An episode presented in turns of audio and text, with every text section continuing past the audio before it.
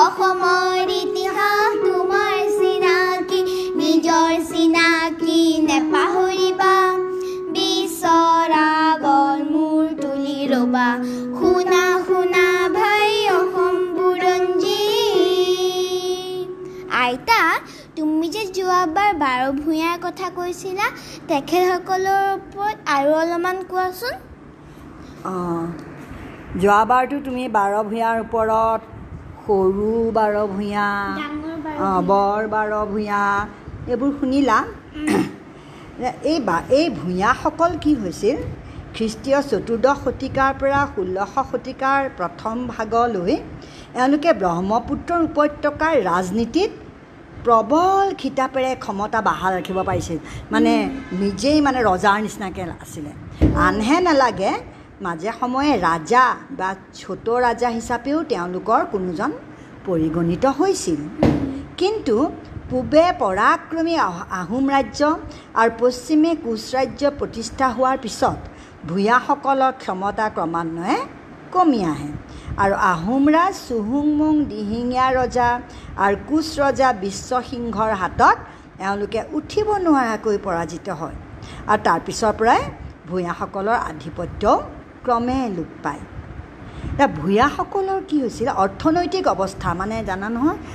অৰ্থনৈতিক অৱস্থা মানে কি জানা নাই? মানে ধনী। ধনী আছিল মানে। বৰ স্বচ্ছল আছিল মানে তেওঁলোক ধনী আছিল। নিজস্ব এলেকাত থকা লোকসকলৰ পৰা যিমান পৰা যায় তেওঁলোকে সিমানেই ৰাজহ আদায় কৰিছিল। ৰাজহ মানে বুজি পাইছা নাই? ৰাজহ মানে আজিকালি ইংলিছত যে টেক্স বুলি কয়। অঁ কৰ সেইটো ৰাজহ লৈছিল তাৰমানে। আৰু ফলস্বৰূপে বেহা বেপাৰ কৰিব পৰাকৈ পণ্য সামগ্ৰীৰ যোগান হোৱাত ভূঞাসকলে ব্যৱসায় বাণিজ্যটো আগবাঢ়ি আগবঢ়া আছিল। মানে বেহা বেপাৰ কৰিবলগীয়া যিবোৰ বস্তু দৰকাৰ সেইবোৰ যেতিয়া তেওঁলোকৰ নিজে বহুত ৰাজহ বহুত টেক্স লৈছিলে। তো বস্তু কিনিব পাৰিছিলে আৰু সেইবোৰ কি কৰিলে বেপাৰ বেপাৰ কৰিব পাৰিছিলে সেইবিলাকেৰে। আৰু এওঁলোকে তেওঁলোকে উৎপাদনৰ সঁজুলিবোৰৰ উৎকৰ্ষ সাধন কৰিছিল আৰু নতুন নতুন কৌশল উদ্ভাৱন কৰিছিল মানে কেনেকৈ ভাল ধৰণে খেতি হয় ধৰা আৰু যদি তেওঁলোকে কিবা কাপোৰ উৎপাদন কৰিছিল কেনেকৈ ভাল ধৰণে হ'ব এনেকুৱা ধৰণৰ নতুন নতুন কৌশল লগাইছিল যেনেকৈ আজিকালি ট্ৰেক্টৰ লগাই পেলাই খেতি ভাল কৰে হয় নহয়? আলি আৰু মথাউৰিৰ নদীৰ পাৰ বান্ধি খেতিৰ পথাৰলৈ পানীৰ যোগান ধৰিব জানিছিল তেওঁলোক।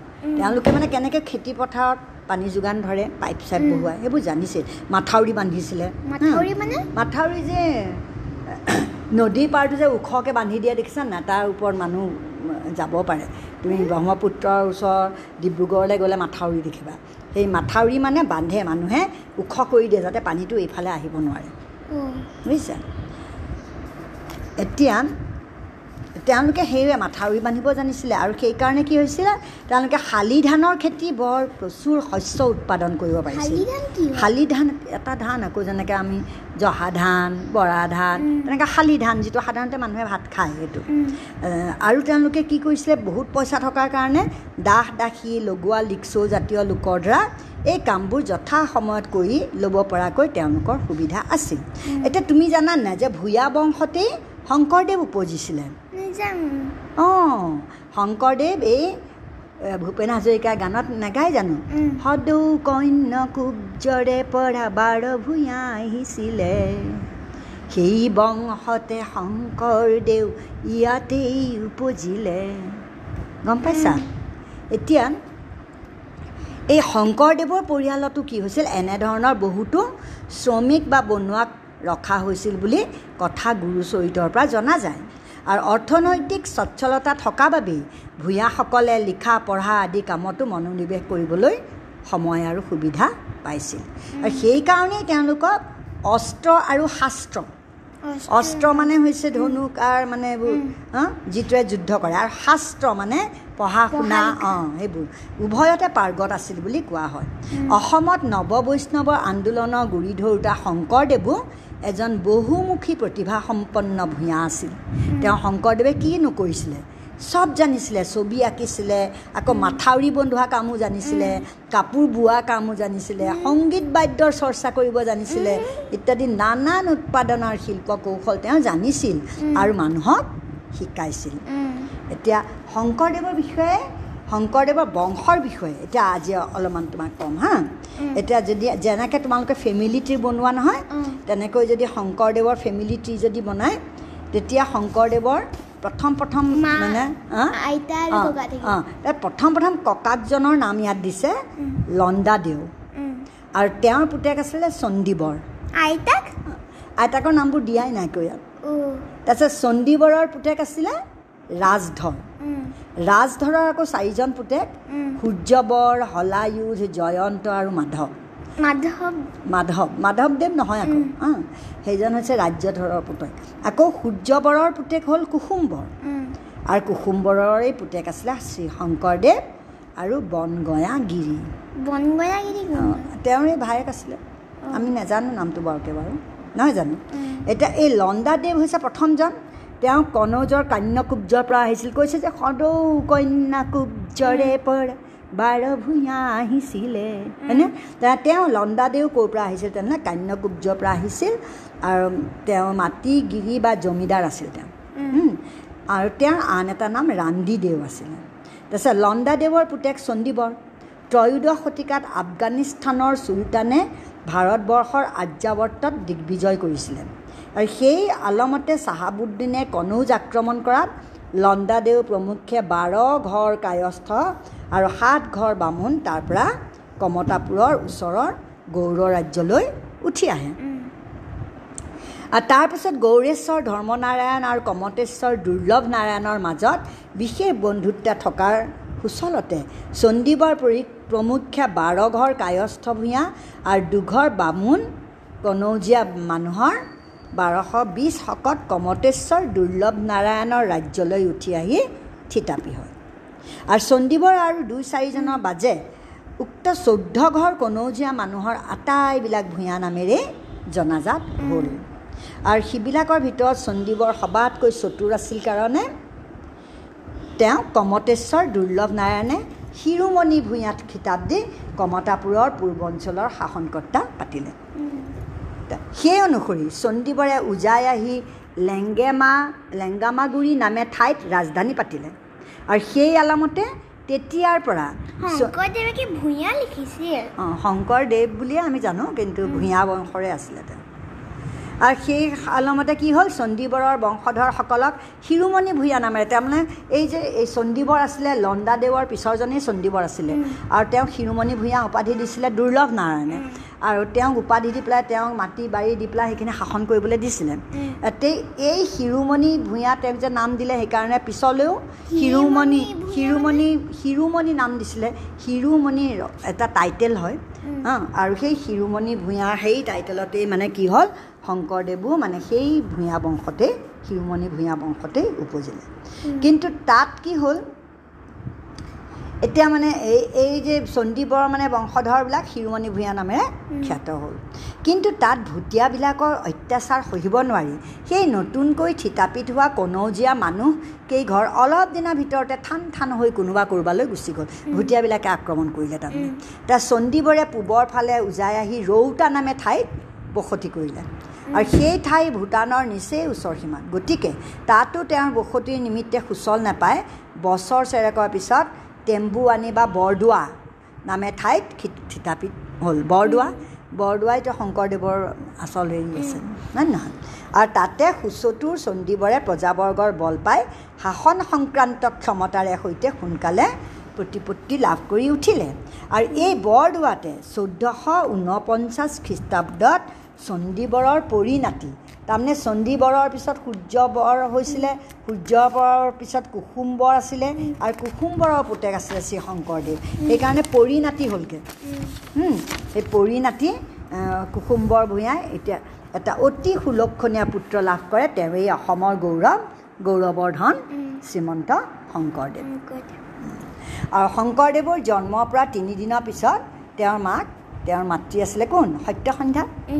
সত্যসন্ধ্যাৰ পৰলোক হোৱাত তেওঁৰ বুঢ়ী মাক খেৰসুটিয়ে তেওঁ ডাঙৰ দীঘল কৰে। তোমাৰ এইটো? বুঢ়ী মাক মানে আইতাক। আইতাক খেৰসুটিয়ে তেওঁ এইটো তুমি জানা? শংকৰদেৱে সৰুৰে পৰা কি কৰিছিলে? বল বুদ্ধি সাহ জ্ঞান ধৰ্ম ইত্যাদিত অসাধাৰণ প্ৰতিভাৰ চিন দেখুৱাইছিলে। তেওঁ চেমনীয়া কালতে খেদি গৈ বনৰ হৰিণা ধৰিছিল। অঁ ভাদমহীয়া ভৰপূৰ ব্ৰহ্মপুত্ৰ নদী সাঁতুৰি পাৰ হৈছিলে। সজ বুদ্ধি আৰু সৎ সাহসতো তেওঁ এজন সেই কালত অদ্বিতীয় পুৰুষ আছিলে। আনকি তেওঁ জ্ঞানৰ চিনাকি পাই সেই কালৰ লোকসকলে তেওঁক অৱতাৰী পুৰুষ বুলি মানিছিলে। অৱ ভগৱানৰ অৱতাৰ বুলি ভাবিছিলে। কালত শংকৰদেৱৰ সেই অসাধাৰণ প্ৰতিভা ধৰ্মৰ জ্যোতিৰে জিলিকি উঠিল। আজিও অসমীয়াৰ ঘৰে ঘৰে তেওঁ ৰচিত কীৰ্তন ভাগৱত আদি ধৰ্মগ্ৰন্থই তেওঁৰ প্ৰতিভাৰ চিনাকি দিয়ে। অসমত নিৰ্মল ভাগৱতী ধৰ্ম প্ৰৱৰ্তোৱা শংকৰদেৱৰ জীৱনৰ মহাব্ৰত আছিলে। আৰু কামৰূপ আৰু সৌমাৰৰ প্ৰিয়দংশত সেই ধৰ্ম বহুলকৈ প্ৰচাৰ হোৱাৰ পাছত তেওঁ চুতীয়া ৰাজধানী ৰত্নপুৰলৈ যাত্ৰা কৰে। আৰু সেই যাত্ৰাতে আগৰ দিনৰ ভীষ্মক ৰজাৰ ৰাজধানী কুন্দিন নগৰৰ পৰা শংকৰদেৱে বাসুদেৱৰ মূৰ্তি এখন লাভ কৰি আনেগৈ। বাসুদেৱ? মানে ভগৱান বাসুদেৱ।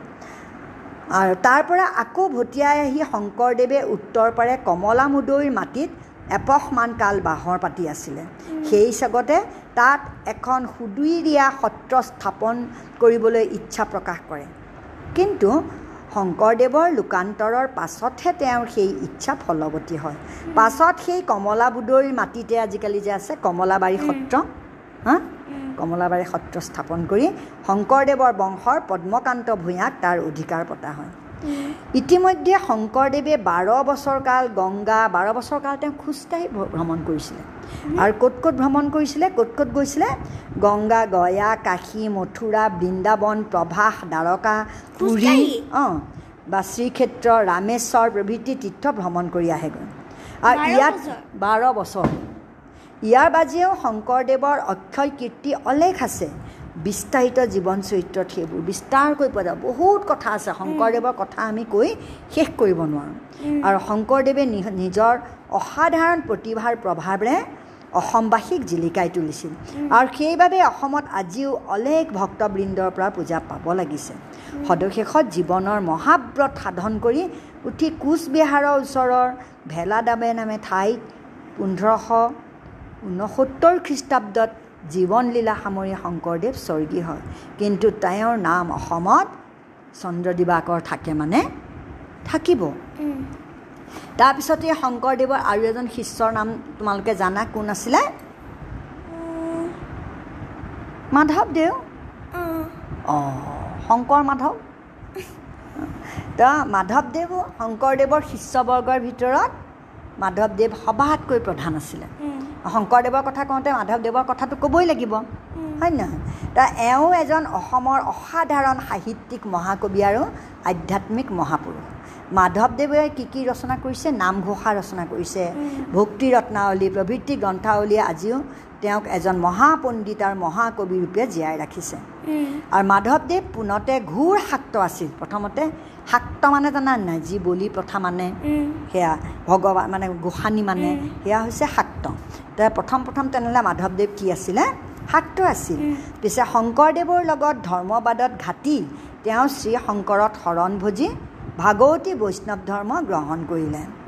আৰু পাছলৈ মাধৱদেৱকো অৱতাৰী পুৰুষৰূপে ভক্তবৃন্দে পুজিবলৈ ধৰিলে। আৰু মাধৱদেৱে পোন্ধৰশ ওঠৰ খ্ৰীষ্টাব্দত জন্মগ্ৰহণ কৰে আৰু পোন্ধৰশ ছয়ানব্বৈ খ্ৰীষ্টাব্দত তেওঁ স্বৰ্গীয় হয়। শংকৰ মাধৱৰ পূৰ্বৱৰ্তী আৰু পৰৱৰ্তী তাৰ আগত কোন আছিলে?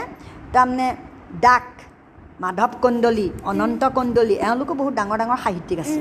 ৰাম সৰস্বতী কুমাৰীল ভট্ট প্ৰভৃতি অসমৰ আৰু ভালেমান জ্ঞানী পণ্ডিত কবি আছিল। এই পুথি ক'লে আচ্ছা এতিয়া কি হ'ল? এইখিনি এইখিনি পণ্ডিতৰ কথাও আচলতে আমি জানিব লাগে। তেওঁলোকে কি কি কিতাপ লিখিছিলে হয় নহয়? আমি তেতিয়াহ'লে আমি শংকৰদেৱ আৰু বাৰ ভূঞাসকলৰ কথাটো আজি এইখিনিতে আৰু অহাবাৰকৈ আমি আৰু বেলেগ বংশৰ কথা ক'ম। হয় নহয়? তেনেহ'লে আজি আমি এইখিনিতে থওঁ আৰু আমি এতিয়া কি গাম তেতিয়াহ'লে? শুনা শুনা ভাই অসম বুৰঞ্জী। অসমৰ ইতিহাস তোমাৰ চিনাকি নিজৰ চিনাকি নেপাহৰিবা। বিশ্বৰ আগত মূৰ তুলি ৰ'বা। শুনা শুনা